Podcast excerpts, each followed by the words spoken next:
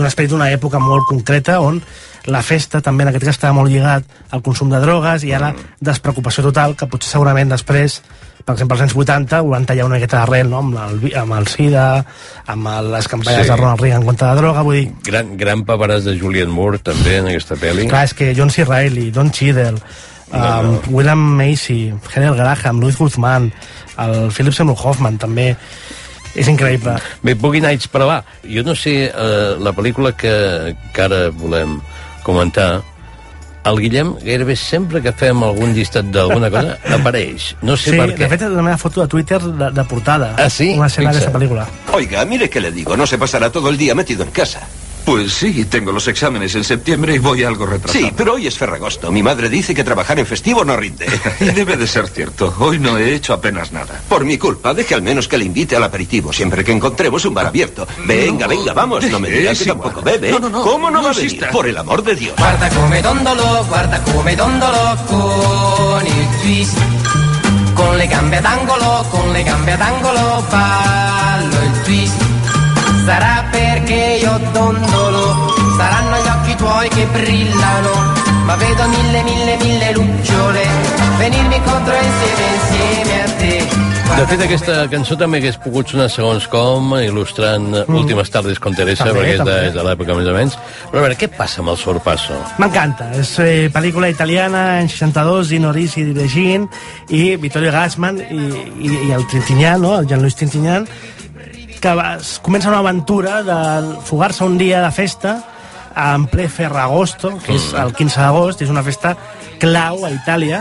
A mi em va enganxar unes vacances a Itàlia en ple agost sense conèixer molt bé el concepte Ferragosto i clar, aquell 15 d'agost et pots morir de fàstic si no ho coneixes, perquè tot està tancadíssim i no pots fer gairebé res i el que fan els italians és anar-se'n a les platges, si poden, les inunden o anar-se'n a, a fer festes, revetges i les ciutats queden buides, no? I, i en aquest ambient és on es desenvolupa aquesta pel·lícula, que també és una miqueta l'esperit de dues maneres de viure la vida, no? I de dues Itàlies. El Trintignant és un noi completament seriós, que està tancat a casa el dia de Ferragosto estudiant, perquè s'ha de treure la carrera de dret, i en canvi l'altre, el Vittorio Gassman, és un, embaucador, és el típic italià de, eh, que t'enga- que t'enganya una miqueta, no? I que l'agafa i diu, mira, va, es coneix aquell dia per un favor que li fa, la- l'ajuda amb una cosa i diu, vine, no pot ser que estiguis Ferragosto aquí tancat a casa, et porto por ahí. I en aquesta aventura que viuen, doncs passa una miqueta de tot i descobreix la vida, no?, el Tintinyant. Ferragosto forma part de la cultura Ja. italiana, hi ha una, unes quantes pel·lícules sobre el tema, tot i que he de dir que, que el cinema italià en, en general ens arriba poc últimament. Ja. Abans hi havia molta més mm. diàleg, no?, amb I Itàlia. música també, Sí, sí, i és com que s'ha perdut una miqueta aquesta relació que crec que, que compartim més que no Ja. al contrari, no? I, I en aquest cas jo crec que és una pel·lícula que, que podem congeniar bastant per la cultura també, de, de la manera d'entendre la, la festa familiar, no? també i molt, molt quotidiana. I també és una pel·lícula que vindria a ser també un final, com abans, com deien de la Vita, del, del neorealisme, tot i que té tocs dramàtics, sobretot al final. És Ja. també una miqueta treure's de sobre tot allò. Va, anirem acabant amb el tema festes, amb, jo diria que és el títol eh, definitiu, no? Sí. O sigui, hi ha gent que no pot viure si no tenen un incentiu festiu gairebé cada dia. He planeado un fin de semana del carajo. James Franco ha montado un fiestón. ¡Sí! Seguro que va a ser un pasote. ¿Qué hay, Rihanna? Es increíble que aún le sigan invitando. No me toques el culo, mamonazo. Se ha pasado de vueltas. Qué bueno está.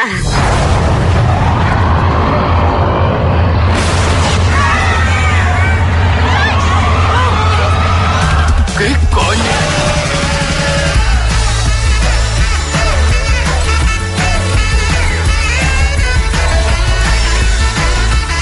Bé, doncs amb aquesta energia eh, arribem a la... Juergas pel fin, perquè Això. parlar de la fi del món.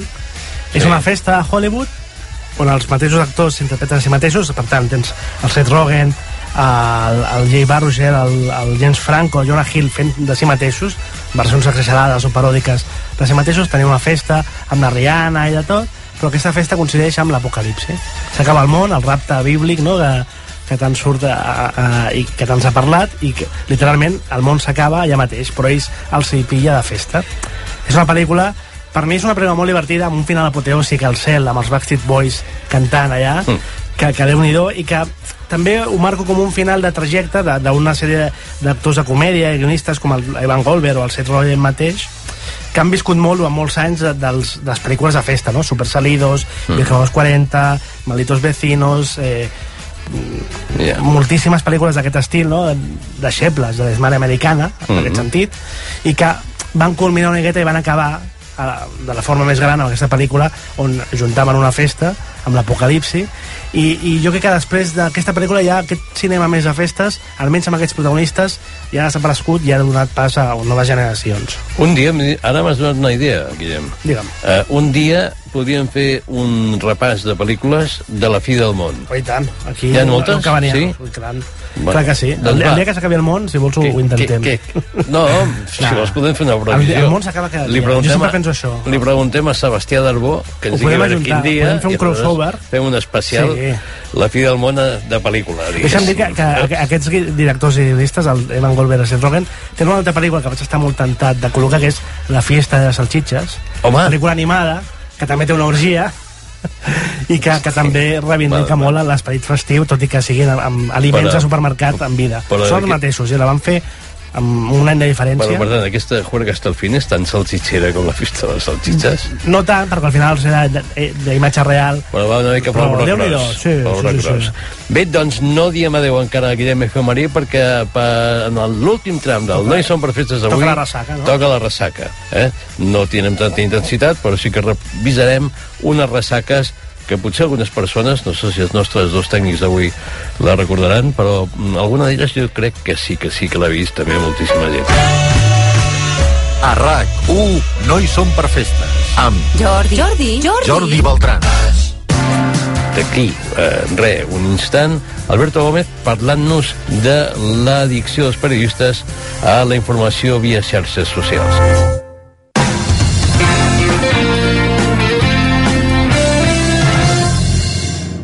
Tens alopècia i t'agradaria recuperar els teus cabells naturals? DHI obre a Barcelona. Amb més de 50 anys d'experiència, és líder en trasplantament de cabell arreu del món. Demana cita a dhiespana.com per fer-te un diagnòstic gratuït. A més, gaudeix d'un 35% de descompte de benvinguda i torna a presumir de cabell. Els canvis que estan transformant les empreses requereixen d'una nova generació de professionals. Estudia un grau oficial en ADE o un grau oficial en màrqueting a EAE Business School i forma't amb els millors professors i les metodologies més innovadores. A EAE seguirem al teu costat fins allà on vulguis arribar. Més info a eae.es. D'ara endavant, EAE Business School. RAC 1. RAC1 i el Patronat de Turisme de la Diputació de Lleida presenten Islàndia, amb Albert Tom en directe des de la Vall de Boí a l'Alta Ribagorça. Dimecres 30 de juny farem ràdio a Taüll, a 1.500 metres d'altitud, a la terrassa del bar Mallador, just a davant de l'església de Sant Climent de Taüll i envoltats de muntanyes. Mai hem fet ràdio així, però la tranquil·litat no sempre pot ser completa. Ah, Taüll! Gent de Taüll, sóc en Guillem Albà. Aprofiteu ara que quan arribi jo se us haurà acabat la pau. Dimecres 30 de juny a les 7 de la tarda, Islàndia, amb Albert Tom en directe des de la Vall de Boí a l'Alta Ribagorça. Gràcies, Vall de Boí! RAC 1. Tots som... RAC 1. Aquest cap de setmana, Superesports a RAC 1 amb Xavi Puig. Viurem els partits de vuitens de final de l'Eurocopa de Futbol, una gentilesa de Volkswagen i Daikin, el Gran Premi d'Assen de MotoGP, el Gran Premi d'Estíria de Fórmula 1, el segon partit del play-off final de la Lliga de Futbol Sala, Llevant-Barça, l'inici del Tour de França, el desenllaç de l'Eurobàsquet femení i, per rematar-ho, tu diràs. Dissabte i diumenge, a les 6, Superesports a RAC1, amb el suport de CaixaBank. RAC1. Tots som 1. Buen día, buenos días. Buenos días, ¿qué tal? Eh, bien, Antón Tangana Pucho Madrileño. Como prefieras. Doctora Carmen Cabezas, responsable màxima del programa de vacunació de la Covid-19 a Catalunya. Doctora, bon dia i moltes gràcies. Bon dia i moltes gràcies a vostès. El doctor Bonaventura Clotet, que és president de la Fundació de la Lluita contra la Sida, director de l'Institut de la Sida. Bon dia a totes i a tots. És el cas de, del que va passar amb la catalana Anna Navarro Schlegel, a qui la revista Analysis Insight ha escollit com la dona més influent del món tecnològic de l'any 2020. Anna Navarro Schlegel, bon dia i moltes gràcies. Hola, bon dia. Meritxell Serret, bon dia. Hola, molt bon dia. Ben tornada. Gràcies. Emocionada? Contenta de tornar a aquí. Saludo, Sergio Delgado, subdirector general de Planificació i Programes de Protecció Civil. Senyor Delgado, bon dia i moltes gràcies. Bon dia. El món a RAC1 amb Jordi Basté. El programa més escoltat a Catalunya. RAC1. Tots som... A RAC1 no hi som per festes. Amb Jordi Estàs de broma? Eh, no, no, no. No.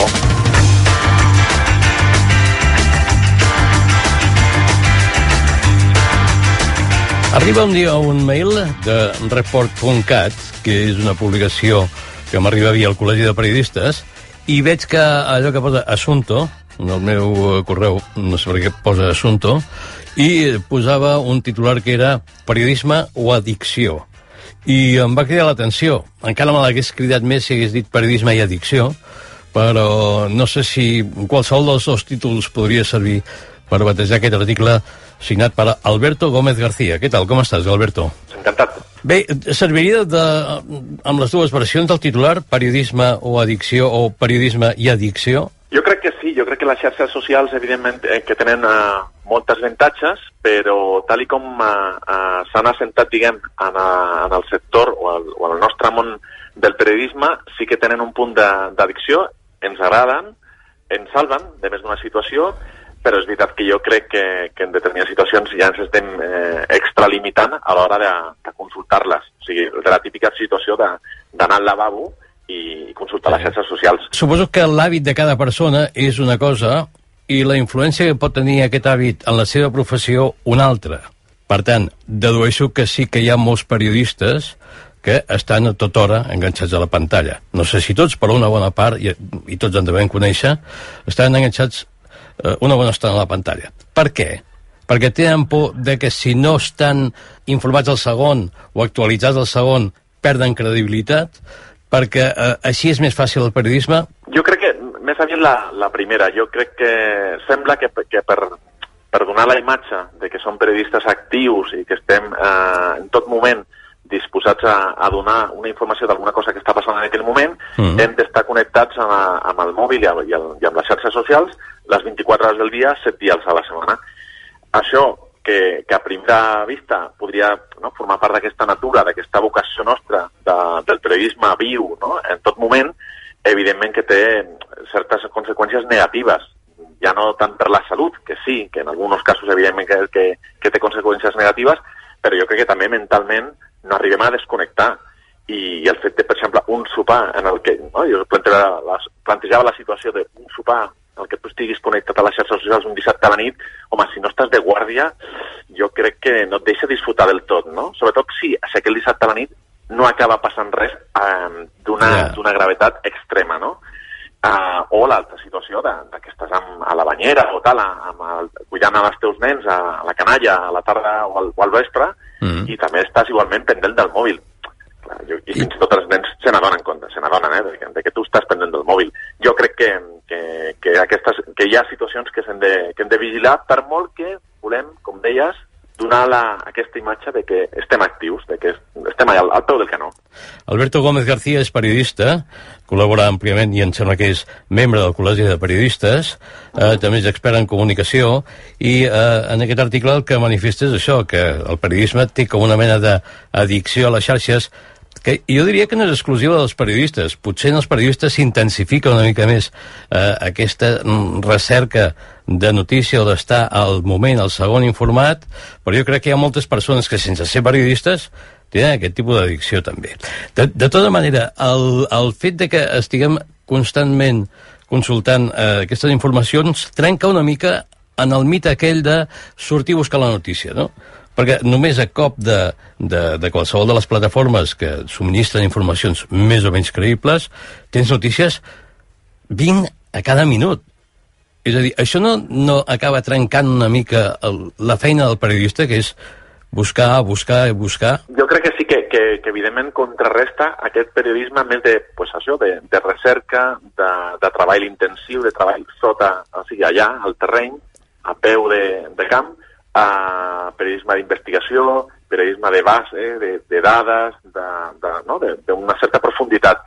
És veritat que sembla que amb, amb cent i pico de caràcteres ja podem donar una notícia, però el que, el que jo crec que ens poden uh, ajudar les xarxes i, i aquests periodistes tan, tan, tan actius com els que jo cito, no? l'Anna Ponsí o la Lara Hermoso, entre d'altres, és a, a, a posar, diguem, el titular de què ha passat. Però a partir d'aquí, evidentment, que jo crec que el, tots els uh, lectors, els espectadors, els oients, necessiten una informació elaborada i amb un context, no?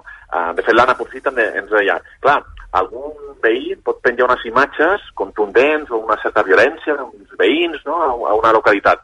A partir d'aquí és on comença, per exemple, la feina del, del periodista en contextualitzar, en trucar a Mossos, trucar a la policia, a la Guàrdia Urbana, donar la xifra correcta de víctimes, si és que hi ha hagut, de ferits, no? a la causa de per què aquest accident o per què aquesta baralla. Aquesta baralla.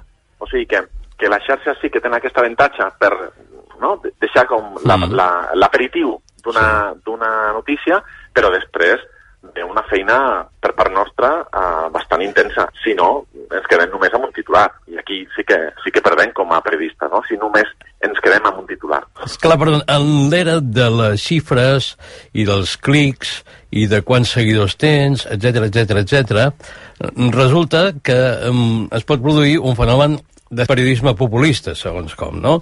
És a dir, tothom es veu capaç de subministrar informacions i aleshores hi ha gent que les creu o no. Ens quedem amb el titular, com deies tu, és allò, informació de titular, però ja va bé per quan quedem amb amics, ara que hi podem tornar a quedar, dir, hosti, has vist això? I llavors l'amic aquest tindrà una informació que tu no tenies i un altre una altra, i al final et faràs una mica la idea de què has entrat en el tema una mica més que no només en el titular. És real aquesta mena de possibilitat de que s'extengui molt més aquest periodisme populista? Jo crec que sí que es pot estendre, però també a la vegada, si ens fixem, s'han creat de nou mitjans, tant de, a nivell de ràdio, de tele o de, o de periodisme escrit, hi ha espais on la cosa està com més reposada, no? com més contextualitzada, i la gent ho consumeix també.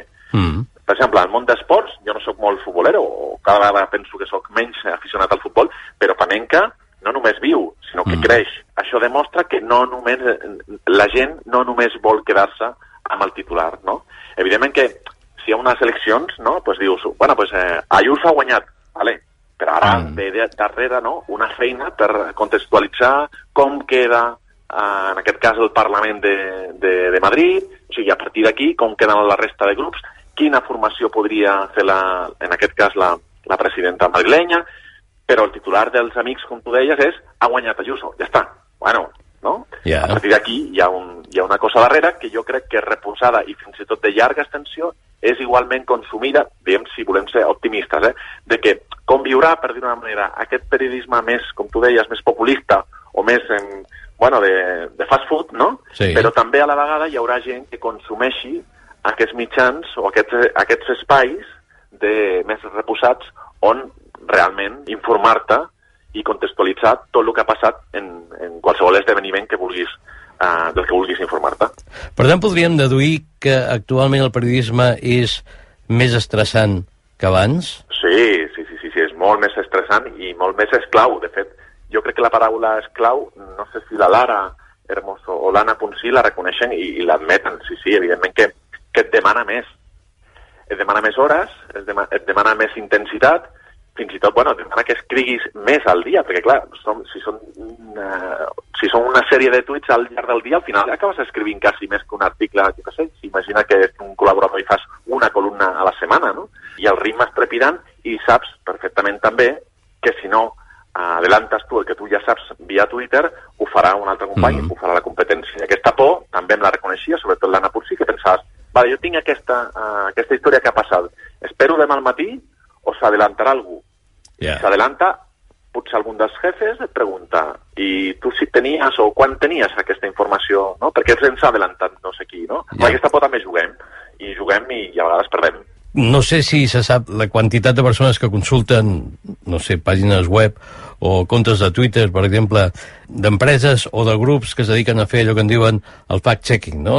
la, la verificació d'allò que s'està dient. Això funciona realment? Les persones al dia a dia consultem aquestes pàgines web o aquests comptes de Twitter per verificar coses que hem assumit que eren notícia i que potser no ho són?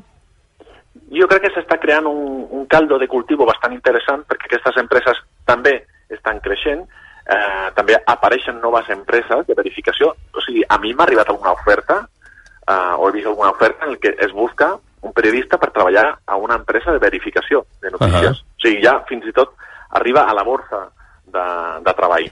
Uh, jo crec que aquest producte o, aquest, o aquestes bases no, tan, tan importants i tan, i tan uh, de fiar, per dir una manera, uh, jo crec que també sí que estan arribant al gran públic. Evidentment que jo no crec que tothom consulti a, a primera hora del matí que han dit cada empresa de verificació de notícies. Però jo crec que estan uh, creixent i estan uh, agafant una certa uh, notorietat per dir, ei, uh, senyors espectadors, senyors oients o senyors lectors, hi ha una sèrie d'informacions al llarg del dia que uh, són falses.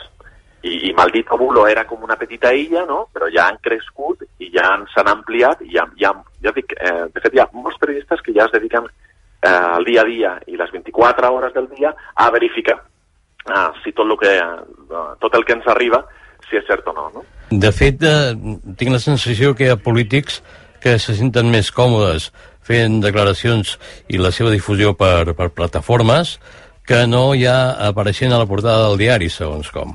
Bueno, jo, jo, jo el que crec és que tenen un avantatge que, que les xarxes socials ens han posat en, en safata, no?, que és que disposen d'un canal unidireccional. No s'han d'enfrontar a cap periodista. És a dir, no tenen ni pregunta ni repregunta. És com una roda de premsa, entre cometes la roda de premsa, sense preguntes.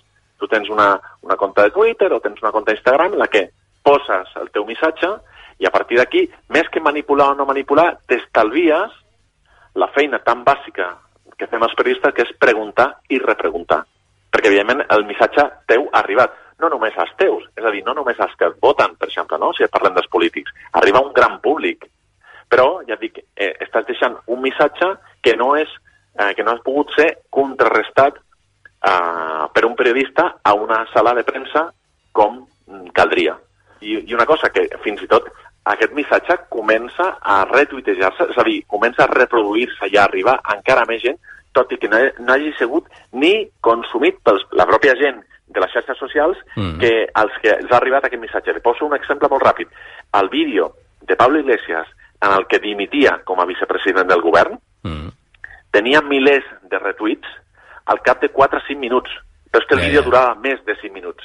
Durava uns 8 o 10 minuts, crec que recordar. Mm. Llavors, algú va posar a les xarxes com la gent està no, retuitejant un yeah. vídeo sense haver-ho eh, consumit en aquest cas. Va per mantenir presència, per dir, ei, que jo sóc el primer que ho ha recomanat o, o el que sigui, no? Però no el primer que ho ha vist, perquè, perquè no, dura més. No. Per tant, estem en la dictadura d'allò que és viral, podríem dir? És a dir, quan una notícia es transforma es converteix en viral a la xarxa, vol dir que és d'obligat comentari als altres mitjans de comunicació? Jo crec que sí, que és, és, és molt estrany que una cosa que, que es faci completament viral sigui a nivell, a nivell eh, polític o a nivell humorístic, no? Per exemple, l'últim vídeo no? d'aquesta mare i aquesta filla, um, per lo d'un regal quan, quan la filla ha, ha, ah, sí, ha provat la celebritat. Sí, això m'ho han comentat, per, sí. Sí, sí, està comentat per... eh, Jo ho, ho he vist comentat en, en diferents mitjans de comunicació. Al principi semblava que era una cosa no? que es quedava en una anècdota, però mm, tots sabem que quan tu estàs en un mitjà de comunicació i el teu veí eh, comença no, a donar-li una certa transcendència a una cosa que tu en principi has descartat, potser al final l'acabes comentant també o l'acabes no, eh, assumint com una part de, del, teu, del teu espai informatiu. No? Jo crec que sí que el tema és, sona, no, sembla massa simple, no? eh, allò que és viral, però és veritat que, que no passa desapercebut mm, quasi cap element eh, que domina les xarxes eh, en el dia a dia d'un espai informatiu. O sigui, hem d'estar pendents, sí, eh, que després arribarà el moment de com comentar-ho o quin, no, quin espai donar-li, però és veritat que sí que t'arriba i sí que ho has d'assumir de que la gent ho està comentant al carrer i a les xarxes. Podríem deduir que avui dia tothom és periodista? Home, no, no, no, no. No, no, no ho dic perquè pot que... destapar un viral i, per tant, generar o ser un dels que fomenten eh, el comentari d'aquesta notícia a tres mitjans de comunicació. Jo crec que si no arriben a contextualitzar, si no tenen bases, si no tenen dades, mm. si no tenen una certa pues, hemeroteca, background i una sèrie de fonts a les que consultar per confirmar o per uh, verificar determinades coses de les uh -huh. que han passat, uh, cosa que només ho tenim nosaltres a l'abast, i per això tenim una trajectòria i uns anys i una confiança en aquestes fonts. És a dir, quan l'Anna Ponsí truca a Mossos, Mossos ja saben qui és l'Anna Ponsí. Qualsevol veí que hagi vist una baralla no trucarà a Mossos per verificar o per confirmar i, a més, no l'agafaran el telèfon. A l'Anna Ponsí sí, perquè té una trajectòria impecable i llavors sí que l'agafen el, el telèfon. La, no, no, ah, ara acabes de dir una ja... cosa, diu, si truques als Mossos no t'agafaran el telèfon, suposo que hi haurà algun, algun sector dels Mossos que s'ofendrà una mica, dient, nosaltres sempre contestem, o responem. Bueno, perdó, no, el no servei d'informació de Mossos no mm. agafarà el telèfon a, a qualsevol val, val, dissabte val, a la nit, això mm. em referia.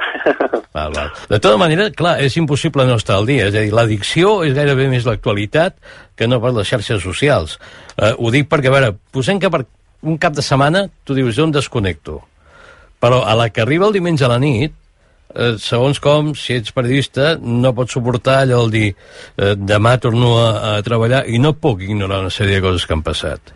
No? Aleshores, això acaba sent angoixant, és a dir, periodista és una professió de risc actualment, també per la pròpia salut dels periodistes? Mira, hi ha una, una gran periodista que es diu Marc Cabra, que jo l'entrevisto per a aquest reportatge. Ah, eh. Ella ha format part del conglomerat aquest dels papers de Panamà i eh, va tenir un moment de la seva vida de molta intensitat, de molts reconeixements a nivell de la professió, és a dir, mm. li reconeixien que la Marc Cabra estava fent una feina periodística impecable, però a la vegada es va cremar. Es va cremar i va tenir problemes de salut seriosos. Què fa ara la Marc Cabra? Intentar educar amb benestar digital. Què vol dir? Que intenta recomanar com podem eh, desconnectar o fer un ús més, més saludable de les xarxes per no arribar a passar, el, o a patir, millor dit, el que ella va arribar a patir. És a dir, que podem tenir, per exemple, dos mòbils, pues el de la feina apagat, yeah. o que podem consultar una xarxa 10 minuts, 15 minuts, com un boleto de ràdio, que feu vosaltres, però una vegada que han acabat aquests 10 minuts, tornar a la feina que estàvem fent abans. Per exemple, tu comences a redactar un mail llarg per una persona. No el pots interrompre per consultar les xarxes, que és el que fem, de fet. No, Al sí. contrari, és consultes les xarxes, veus el que ha passat, i si no hi ha res greu en aquell moment per modificar el teu dia a dia o l'agenda la, d'aquell matí o d'aquella tarda, sí. comences a escriure el mail sense parar, sense interrompre.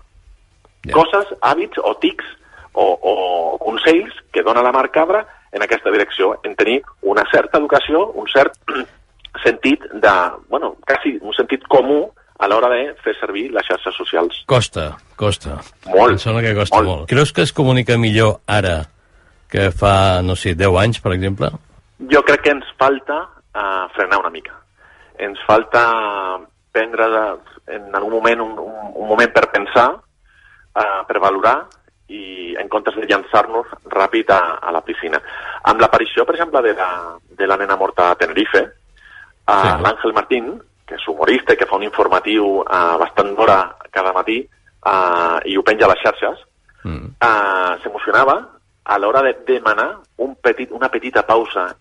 O sigui, en el sentit de, ei, no, no, no improvisem, no, no ens passem de córrer a l'hora d'informar una cosa tan delicada i que, evidentment, va fer mal a, a gran part de la societat quan, yeah. quan es va saber no? la, la tràgica notícia. Jo crec que va per aquí. Uh, hi ha certs moments en els que haurien de frenar. I jo crec que fa 20 anys o fa 10 anys, jo crec que o no corrien tant o no teníem eines per córrer tant. Yeah. I jo crec que ara hi ha una certa no, eh, impulsió per ser els primers i és millor ser els segons sense errades. Perquè, evidentment, eh, bueno, quan es cometen determinades errades, doncs, eh, al públic jo crec que el, el, el deixes una mica decepcionat. Potser eh, en, més d'una situació haurien de frenar, veure què haurien de fer, quin és el següent pas amb tranquil·litat que haurien de donar i després eh, no ens eh, i llavors no, no haurem de pensar que si haguéssim frenat haguéssim fet la feina millor. No ho sé, de tota manera aquesta pressa que et sembla que tenim o aquesta cosa de rebaixar el ritme és difícil eh, en un moment en què no paren de passar coses. O sigui, cada dia dius quina barbaritat, o sigui, el periodisme d'abans era com, allò, com un paradís, era com, com un balneari gairebé. Ara, a cada instant passen coses que figura que són importants, ja sigui aquí, allà, potser és perquè estem molt més connectats i, per tant, informats del que passa no només aquí, sinó a tot el món, i això, com deia abans, pot acabar sent estressant. Alberto Gómez García, moltes gràcies pel teu article, que vagi molt bé, gràcies. Gràcies a vosaltres. No hi som per festes. Amb Jordi Baltrà. D'aquí 5 minuts més o menys tornarem amb pel·lícules de ressaca i una conversa sobre l'exposició L'Underground i la contracultura a la Catalunya dels 70 que es pot veure al Palau Robert. Això serà després de que ens actualitzin ara mateix.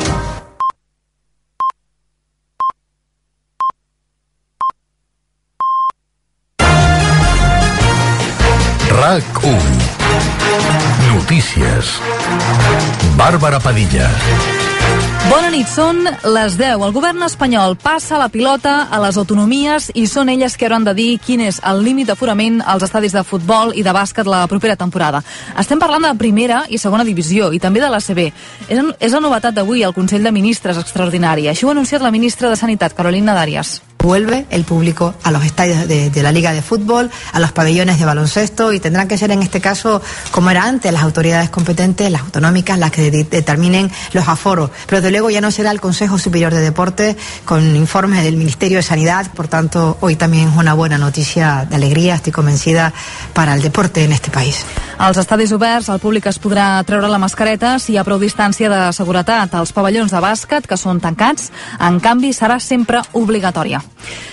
Pedro Sánchez demana no baixar la guàrdia amb el coronavirus a partir de demà passat, que és quan la mascareta deixa de ser obligatòria a l'aire lliure. N'ha parlat des de la cimera europea a Brussel·les. Estamos recuperando nuestra normalidad porque no estamos bajando la guardia. Y por eso pido que con independencia de que eh, se va a levantar la obligatoriedad de la utilización de la mascarilla en espacios públicos, no bajemos la guardia, seamos conscientes que el virus continúa circulando y por tanto que necesitamos eh, no bajar la guardia para poder seguir recuperando de manera mucho más acelerada nuestra normalidad. La mascareta s'haurà de dur a mà, ja que serà necessària si a l'exterior no es pot respectar el metre i mig de distància i sobretot quan entrem en espais tancats. El Regne Unit treu les Illes Balears de la quarantena obligatòria. A partir de dimecres s'assuma la llista verda i els britànics que vagin a les illes no hauran de fer 10 dies de quarantena en tornar. La mesura entrarà en vigor el 30 de juny, dia en què també s'inclourà a la llista de llocs segurs Malta i Barbados. Fins ara, els turistes que anaven a les illes, a més de la quarantena, havien de pagar tres testos de coronavirus. La decisió no afecta cap altre territori de l'estat espanyol, tampoc a les Canàries. El govern balear ho celebra, però fa una crida a la responsabilitat individual per mantenir la baixa incidència del coronavirus a les illes, que està per sota dels 50 casos per cada 100 habitants. Un brot de coronavirus ha contagiat 300 estudiants que eren de viatge de fi de curs a Mallorca. La majoria de casos es concentren a Madrid, però també n'hi ha al País Basc, Múrcia i al País Valencià. Els estudiants es van relacionar entre ells i van participar en esdeveniments multitudinaris. A la resta d'estudiants que eren a Mallorca en el moment dels contagis se'ls considera contactes estrets i se'ls farà una prova. A més, hauran de fer quarantena a casa 10 dies. Demà entra en vigor la llei de l'eutanàsia. D'aquesta manera, les persones malaltes podran decidir com serà el final de la seva vida, tant a l'hospital com a casa. L'estat espanyol és el sisè país que la legalitza, per darrere d'Holanda, Bèlgica, Luxemburg, Canadà i Colòmbia. Ho podran demanar els majors d'edat que tinguin una malaltia greu, crònica, invalidant o incurable i amb un patiment físic o psíquic constant i intolerable i quan a més existeixi la seguretat que no es pot curar ni tampoc la persona pot millorar. I en plana internacional, a Miami, la caiguda de l'edifici de 12 plantes ja deixa 100 persones desaparegudes. En un principi es parlava de la meitat, però la policia eleva la xifra. De moment, només s'han confirmat la mort d'una persona, tot i que s'espera trobar més cadàvers sota les runes. Per ara s'han rescatat 35 persones en vida. El bloc de pisos tenia 40 anys. I ara els esports, amb Marc Andrés. Esport en directe, al Palau Blaugrana, el Barça de Futbol Sala està jugant el primer partit de la final de la Lliga contra el Llevant. A falta de, menys, de més de dos minuts per acabar el partit, els Andreu Plaza empaten a dos eh, amb els gols de Ferrao per part blaugrana i de Roger Serrano i de Rafa Ocín pels Granota. Podeu seguir els instants finals en directe a RAC més 1. A Extremadura, el juvenil masculí de futbol del Barça està disputant la segona semifinal de la Copa de Campions. En aquests moments, l'equip blaugrana guanya 1-0 gràcies al gol d'Àlex Rico de penal. Qui guanyi s'enfrontarà al Deportivo de la Corunya a la final de diumenge després que els gallecs hagin guanyat el Real Madrid per 0 gols a 1. En futbol femení, la migcampista Keira Hamraoui ha anunciat a les seves xarxes que deixa el Barça. La francesa és la segona baixa confirmada després després de la de la capitana Vicky Losada. L'anunci ha arribat poc després de la golejada per 5 a 0 a l'Sporting de Huelva, amb els gols de Marten, Jenny Hermoso, Aitana, Oxoala i Marta Torrejón. Les Blaugrana tancaran la Lliga diumenge vinent, també el Johan Cruyff contra l'Eibar a les 11 del matí. I el temps refrescarà durant la nit i demà començarem el dia amb temperatures per sota dels 20 graus a gran part de la costa i dels 15 a les comarques interiors. Al migdia, per això, serà més càlid que avui. Al matí serà esplèndid i a la tarda només creixeran algunes nuvolades.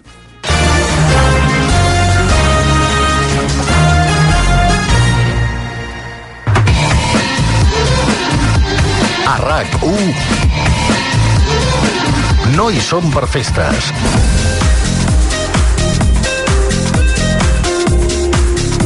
Última hora d'aquest No hi som per festes d'avui, dia de Sant Joan, en alguns tornant, d'altres allargant el cap de setmana, i tots dient, mm, va estar bé la nit, eh? O dient, puf. Ja, no sé. Miren, les ganes que tenia jo de, de, de Revilla i no, no, no va acabar el tingut que de volíem, eh? Sí? Tu Perquè ets sant és? Sant Guillem, que és el 25. Ah. I sempre queda eclipsat per Sant Joan, i penso... Oh, ima ràbia. imagina com estan els Sant Peres, que abans es feia També, Rebella de clar, Sant. Pere. Sí, sí, de fet els, els fet els Peres en que, aquest que, sentit. que la ressaca no donava temps a recuperar-te segons com, que estaves en un altre. I després sí, l'altre de Sant Jaume, que ja Sí. és el 25 de juliol, doncs aquesta quedava molt lluny, però bueno, en fi, que abans... Això s'ha perdut també. Abans no? ja, Sant sí, Joan és l'últim supervivent del Santoral, no? a Madrid no tenen celebració de l'arribada de l'estiu. Tenen llibertat, però, però tenen... Tenen canya, canyes i terrazas. Mira, hi havia canyes i barro i ara algú podia fer a Madrid canyes i terrazas. Pues, pot ser un eslògan de la Ayuso. Canyes i barro era, era espera't, de Vicente, un dels escriptors valencians. De... Ah, Vicente Blasco. Vicente Blasco Ibáñez. Blasco. Bueno, clar, Vicente Blasco, Blasco Ibáñez. Que Albert Langa va fer un biopic en tele, un, una sèrie de cinc capítols sobre Blasco Ibáñez. Doncs veus. De, de València a València van fer. Sí. Havies de posar la gota aquesta del centenari Berlanga. Ah, és si que no, no hem pogut fer si cap, no cap Berlanga, de Berlanga, però bé. Va, doncs, després de canyes i terrazas, nosaltres ens endinsem en el món de les ressaques. Ah, será... Lo que tú no entiendes es que yo... No, yo no. ¿Qué?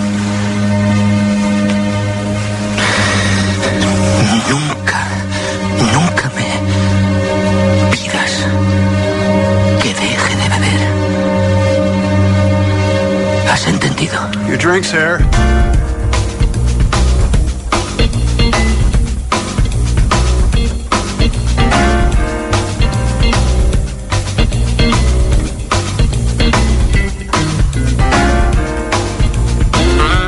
Gran banda sonora, saxo, evidentment, hi havia de ser, per una pel·lícula que a mi em va agradar d'entrada per la banda sonora, perquè la vaig sentir Mhm. abans que veure la pel·lícula. Aquell Lonely Tears, ups, no? Aquella versió de, Sí, de, sí, de, no, no, hi havia, Jackie Wilson, que hi havia, brutal. hi havia de Eh, tot allà. Hi havia Sting, també. Hi Sí, havia... hi ha molt Sting, massa pel meu gust. Sí, potser sí. Però aquests trossos de jazz mm. estaven com ben treballats. Living Las Vegas. Living Las Vegas, has, evit, has evitat la tentació de posar Amaral a la cançó, per sort? No. bueno, per, perquè està molt vist ja, com Nicolas Cage en Living Las Vegas, però... Ja. Um, Mike no, pensava que volies dir Toda la noche en la calle, perquè jo tinc la sensació Ah, d'aquesta ja. pel·lícula. També, també, és veritat, mira. Nicolas Cage Amaral- estava molta estona al carrer. Podem no? dir que Living Las Vegas és la pel·lícula preferida D'Amaral. eh, i, no, i no equivocar-nos, no? Però, eh, Nicolas Cage, clar, és Ben Sanderson, un guionista... Anava a dir alcoholitzat, però no, és alcohòlic totalment i està tan deprimit de la vida que ja decideix eh, morir bevent. Mm. Que seria la ressaca contínua, no? Aquesta pel·lícula la podem qualificar com això, ressaca contínua, i aquella cosa que es diu, que jo crec que no és veritat, o bueno, depèn del tipus de vida que tinguis, no? Un remei per la ressaca, veu, seguir bevent. Mm, no, sí. Jo no ho recomanaria, jo No. tiraria més cap... a- La meva recepta és, a part de dormir, molta aigua i macarrons. Seria Aigua i macarrons. Mira, podria ser un altre títol de novel·la. Aigua i macarrons, Aigua és, i el, és la macarrons. meva recepta de ressaca, on seu altriment, alguna ressaca he fet, una, una pizza molt guara que és pizza amb lasanya. Pizza amb que seria, lasanya? inclús he arribat a fer de ressaca pizza amb macarrons, que és una gran recepta, agafes macarrons No, home, i a sobre no, una pizza. no, no, no facis ja, això. però et cura la ressaca, almenys a mi. Escolta, dèiem, No, Nicolas Cage. serio- més serioses, Però, perquè és és un paper, però és un paper que ha repetit moltes vegades, no? El de És que Tormentat. aquí ve un tema que també li passa molt al Pacino. Actors que treballen bé i tal, i de repent guanyen un Òscar amb una pel·lícula concreta. En aquest cas, Living Las Vegas. Llavors, jo crec que li canvia el xip i diu, home, si fins ara no he guanyat un Òscar, ara que he guanyat un Òscar amb aquest tipus de paper, he de començar a tornar una boig amb aquesta mena de papers i, pap, i això ja va de- desvariant d'alguna manera l'Al Pacino per fi va guanyar l'Oscar amb eh, Perfume de Mujer, Esencia de Sí. Mujer i que feia aquella escena, uah! I de repente, cridant, ja va dir, ja està, nano, aquí. I, tot, I 25 anys després, totes les pel·lícules, uah! Uah! Cridant. És una miqueta aquest, uh, aquest efecte, però sí que és, és el gran paper de Nicolas Cage. Una pel·lícula que en el fons és trista, no? Perquè parla, que parla és molt depriment. De fet, es basa en una novel·la del John O'Brien, que és una novel·la pòstuma. Ell, el John O'Brien, diguéssim, aquesta novel·la ve a ser una miqueta la fantasia de com es vol acabar morint uh, per l'alcohol, però és que ell va morir per l'alcohol d'una manera més trista i no tan pel·liculera, no? Però sí, la destacaríem com a gran pel·lícula sobre ressaca contínua. La que escoltarem ara és, bé, ve d'una festa, d'una pel·lícula que jo hauria d'haver vist i que tampoc he pogut veure i que en canvi em sap greu haver-me Jo perdut. pensava que era molt teva, aquesta pel·lícula. Tengo que volver a casa.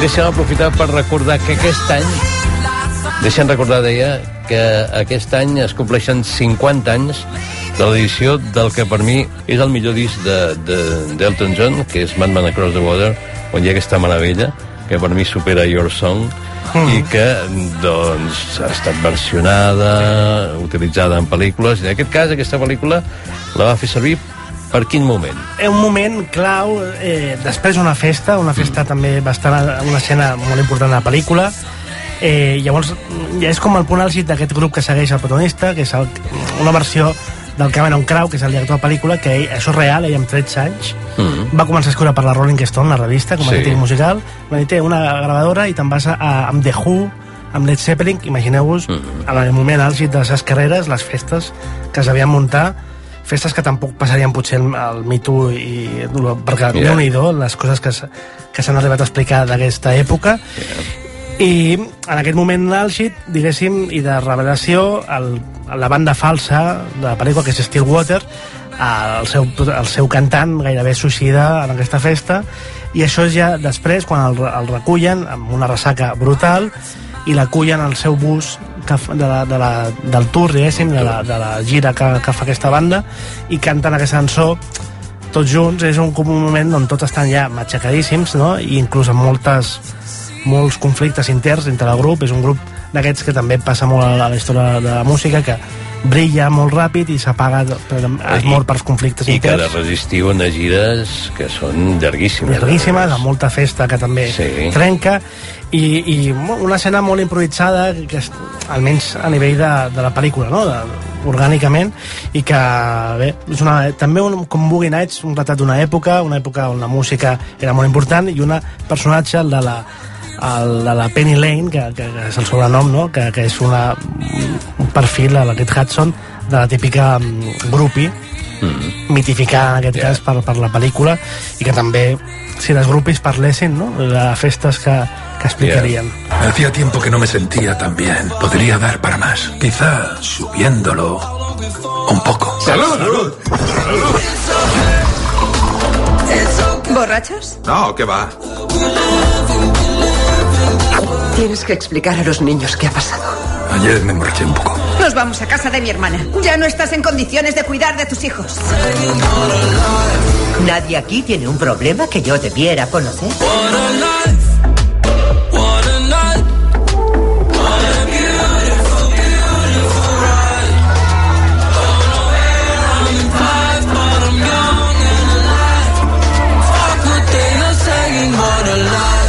Bé, aquí ja no hi ha ressaques, això ja és com una mena de delirium tremens de Sí, vegades que no saps qual. de què va, no? Però és una pel·lícula que va agradar molt, és una de les sorpreses de la Tots temporada passada. a, a favor, no? perquè m'he Sí. trobat que Ah, hi ha gent és una pel·lícula que descol·loca, eh? i jo crec que l'has d'anar a veure sabent menys de la pel·lícula, dir l'argument, o no fent-te molta idea del, del, del que pot ser, no? Perquè d'entrada t'expliquen l'argument i penses, ostres, això No, el tràiler, el tràiler a mi no em va donar ganes de Clar, veure la gent. serà una alegoria de, de beure alcohol... Estem parlant de l'altra ronda o de otra ronda, ronda. Druk, en mm. danès, una de les pel·lícules de temporada, fa uns mesos va guanyar l'Oscar a millor pel·lícula internacional, Thomas Winterberg, i un gran Mads Mikkelsen que, que es menja la pel·lícula, no? O es Sí. veu la pel·lícula, podríem dir en aquest, en aquest cas.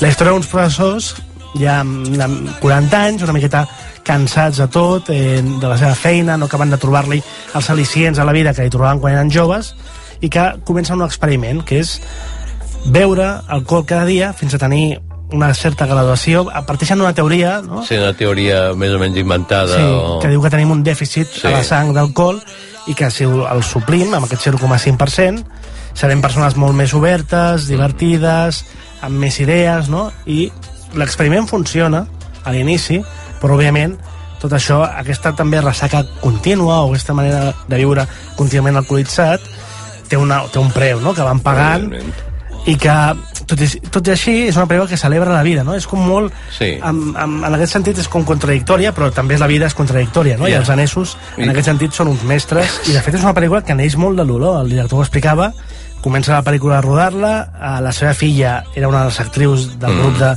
d'adolescents de, de l'escola, i la filla va tenir un accident i es va morir. I ell va decidir seguir amb la pel·lícula, dedicar-li a la filla com una mena de celebració de la vida, no? I en el fons és el que és la pel·lícula, tot i que no ens hem d'enganyar, també parla d'un tema i que potser ara podem treure, no?, amb el, amb el tema de ressaca, a més, de, de la com, de, com ens relacionem amb l'alcohol com a Sí, societat. jo, jo quan vam, La parlar, quan vam parlar de ressaques, la primera pel·lícula que em va venir al cap va ser aquesta. ¿Dónde estás? Estás en el cuarto de algún motel. Te, te despiertas y estás en, en la habitación de un motel. Esta es la llave. Crees que podría ser la primera vez que estás aquí, pero es posible que lleves aquí una semana, tres meses. Es, es difícil saberlo, no, no lo sé. Solo es una habitación anónima. Memento comença amb un home que intenta eh, reconstruir les hores eh, prèvies al despertar-se abans d'anar a dormir i que no entén de cap manera què és el que ha fet. No sé si era de ressaca Clar. o de- o de o Tu me d'amnèsia, la vas proposar, la pel·lícula, i vaig dir, però això de ressaca, i em vaig quedar una miqueta pillat, però després donant-li voltes, realment, la pel·lícula no té res a veure amb les ressaques. És, és un home que té amnèsia anterògrada i, per tant, no pot crear nous records. I, de fet, cada dos o tres minuts es reinicia una miqueta la seva memòria i, i no, no, no pot tirar això després anem veient que és a, través d'un, a partir d'un accident, no? Però clar, en el fons, aquesta pel·lícula que recordem és de Christopher Nolan i que, com li agrada a ell, i de fet és la pel·lícula que, en què el Christopher Nolan es va descobrir al món, li agrada enganyar l'espectador i fer puzzles visuals, no? I la, és una pel·lícula que de fet comença pel final i és com una pel·lícula una miqueta bucle en si mateix perquè només fins quan arribes al final te n'adones de tot el que ha passat, no? Mm. perquè va del revés. De fet, hi ha un extra al DVD allò, els antics DVDs que podies fer amb combinacions de botons Sí. el que deien ous de Pasqua que el que feia era obrir-te una opció que era per veure la pel·lícula cronològicament és- sí, què és com, un ou de Pasqua? un ou de Pasqua és una sorpresa com els ous de Pasqua de la cultura nord-americana Sí. que han de, i els tenen un regal, diguéssim, mm. doncs és una sorpresa que està amagada dintre Ah, d'alguna cosa. En aquest cas eren DVDs, ara, per exemple, està molt de moda les sèries o pel·lícules Marvel, tenen ous de Pasqua, que, té, el que doncs al final d'una escena hi ha una imatge que això et fa pensar en Iron Man, per dir alguna cosa. O a, a pel·lícules de Pixar ho fan molt. Sempre hi ha una cosa de Toy Story a qualsevol pel·lícula de Pixar, per exemple. Ah, no sé. Bueno, cosetes pistes. que, és- I això ho tenien els DVDs abans i llavors buscaves per internet com trobar-los i llavors si apretaves no sé quins botons sortia una opció. Total, que en Memento una opció era veure la pel·lícula de forma cronològica i per tant trencant completament l'experiment de, De la, la pel·lícula, no? Coses també molt perverses que té la, la mercadotècnia i la distribució en aquest Era cas. era una bona pel·li, eh, no? Per això. Pel·lícula magistral que, que a partir d'aquest plantejament fa com una espècie de neo-noir, un, un nou cinema negre que és, eh, és espectacular. És una pel·lícula que ta- també té dos cares, no? perquè la gaudeixes tant la primera vegada quan te la claven, diguéssim, et sorprenen, mm. que després, clar, al veure-la és una miqueta com el sexto sentido, no? Aquella Ja. primera experiència mai la tornaràs a tenir. L'última ressaca, jo no sé per què està aquí aquesta Oh. pel·lícula, Primer no, no, no, és, és d'aquelles que també he vist només a, a estones i a trossos. No la 3, no, la primera ja no la, no la vaig veure sencera, i la 3 ja... mi- agafa't un dia i ni, mira-te-les. ni tan sols vaig veure el tràiler. Eh, Caraculo. Sí, usted, Caraculo. Solo quiero saber una cosa. ¿Tiene aspirinas? Llevo todo el puto día con dolor de cabeza. Debe ser su día de suerte. Quédeselas. Vamos.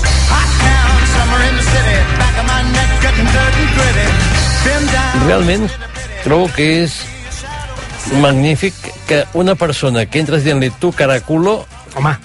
acabi exercint de manera tan amable allò, pren una aspirina que és el que fa falta És, és John McClane, eh, el, el Bruce Willis, amb aquesta saga de Jungle de Cristal. Aquesta és la tercera part, Sí. Jungle de Cristal 3, La Venganza, i per mi és la segona millor de la saga. A l'inici és brutal, eh, calor, Nova York, aquesta música, i de repent una bomba, i, i arrenca tot, i, i al, al final l'argument és una espècie de gincana que fa un terrorista, que és el Jeremy Irons, que obliga el protagonista a superar diverses proves, yeah. es diu Simon Says, fent com un joc, i que eh, acabaran desembocant amb la part final, no? amb el robatori a Fort Knox que vol fer aquest terrorista. Però ell, aquesta gincana que ha de fer, que per exemple la primera prova és anar-se'n a, a Harlem amb un cartell que digui Odio a los negros, mm. a veure com surt d'això, el rescata un, un, un tio que, que té una tenda que és el Samuel L. Jackson que llavors es converteix a partir d'aquí amb el seu soci Soci. resolent les proves però què passa? El John McClane té, comença la pel·lícula amb un mal de cap i una ressaca brutal i tota la pel·lícula que a més és la gràcia del pagar la seva personatge ressaca aquí es troba que és la gràcia del personatge la primera pel·lícula es queixava de... ella havia d'anar a Nova York a Los Angeles per veure la seva dona i, i tot acabava fatal per aquesta, aquests terroristes que invadien una festa de Nadal precisament i estava tota la pel·lícula ratllat aquí està tota la pel·lícula ratllat de la seva ressaca i t'ho imagina't tenir ressaca i haver de salvar la ciutat de Nova York d'un atac terrorista és que allà, allà és on haguessis hagut d'aparèixer tu, Guillem F. Marí, que ens ha acompanyat Amb els avui. macarrons. Amb l'aigua, 3 litres d'aigua o 20 i uns, una pizza, pot ser pizza de macarrons, has dit? pizza de macarrons Bé, hem repassat eh, festes, ressaques, tot per acompanyar-vos aquestes últimes hores de Sant Joan després d'una revilla molt celebrada en principi Sí, perquè sí. l'any passat ens van quedar, podríem dir, sense i eh, és d'aquelles festes que marquen. Ara, d'aquí un instant, conversarem amb els responsables de l'exposició Underground i Contracultura a la Catalunya dels anys 70. Serà d'aquí un instant. Fins ara. A RAC1 no hi som per festes. Amb Jordi Beltran. RAC1. Yeah! Aquest cap de setmana, Superesports a RAC1 amb Xavi Puig.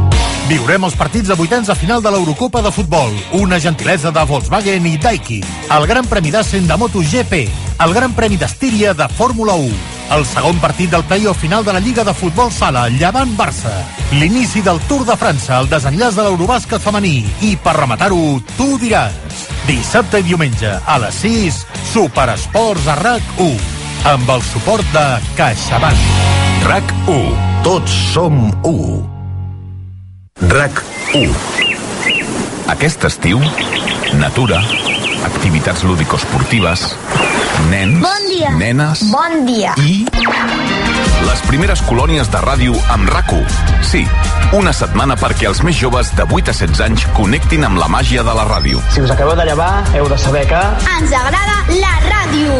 Estudi de gravació, entrevistes, rodes de premsa, podcast, convidats molt especials, veus de la casa i activitats diverses en un entorn natural. Amic. Fent ràdio... Ens ho passarem d'allò més bé. Aquest estiu, les primeres colònies de ràdio amb rac Una setmana perquè s'ho passin bé i es diverteixin descobrint natura i ràdio. Si són les 7. Benvinguts al món. Gol! Gol del Petitó. Trobareu tota la informació de reserves i inscripcions a colòniesracu.cat. Organitzat per Club Elements i Radiofònics, amb la col·laboració de... RAC 1. Tots som De colònies.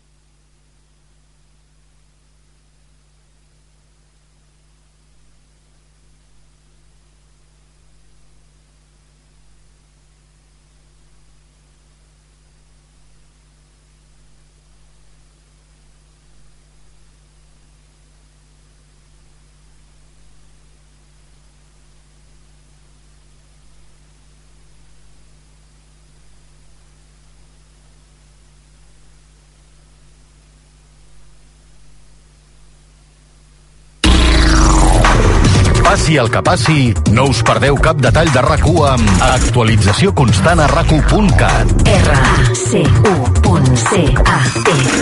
rac el portal de notícies de RAC1. A RAC1 no hi som per festes, amb Jordi Beltran.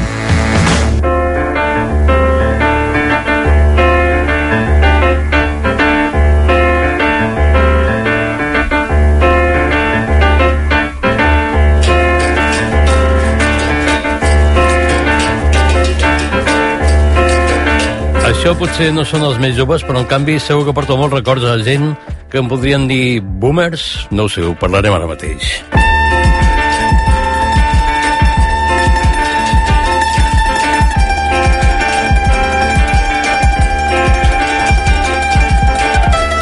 Espera que apago el mòbil, que m'estan sortint aquí les senyals de missatges.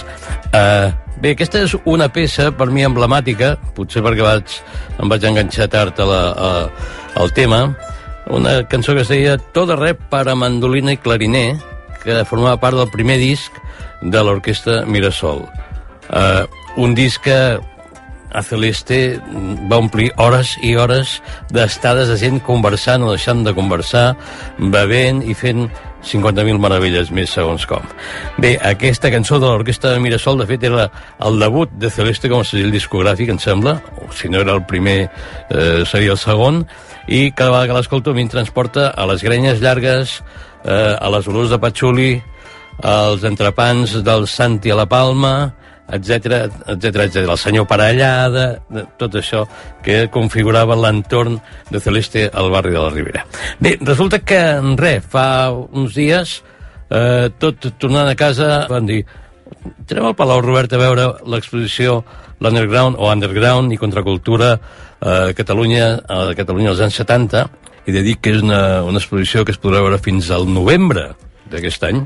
Fins al final de novembre. Fins a finals de novembre. O sigui que és de llarga tirada. Qui deia finals del novembre és un dels responsables de... Comi... Us he de dir comissaris a l'exposició o no? Home, no ens agrada massa el nom, no? perquè no som Clar, comissaris. És, és una mica Però bueno. contradictori amb tot l'esperit de la- de, de l'exposició, potser, però, de fet, sí que l'heu supervisat, no? Sí, totalment, l'hem creat. Sí. Ah. Ha sigut un treball, ha estat un treball. Bé, doncs Pepe Ribas, jo li diria, et presento com a responsable de Jo Blanco, perquè ho és, i perquè Jo Blanco va ser una creació seva, entre moltes altres coses que, que ha fet el Pepe, i eh, Canti, Canti. Canti Casanovas, que mm, és el responsable d'una pàgina web que es diu La Web Sense Nom. Eh, si la busqueu és WSN, no? Només això. Ah, amb, sense el la.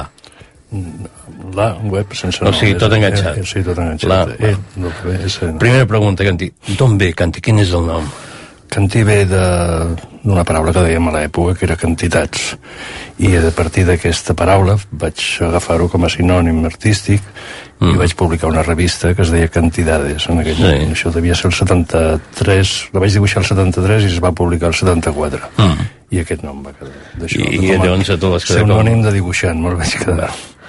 Bé, doncs l'exposició explica una mica tot el que es va produir eh, en aquesta terra als anys 70. Que no sé si era equivalent al que es produïa a altres ciutats o indrets del planeta en aquells moments. Era idèntic o què, què era el que tenia d'especial respecte a altres moviments de principis o de finals dels 60 i principis dels 70?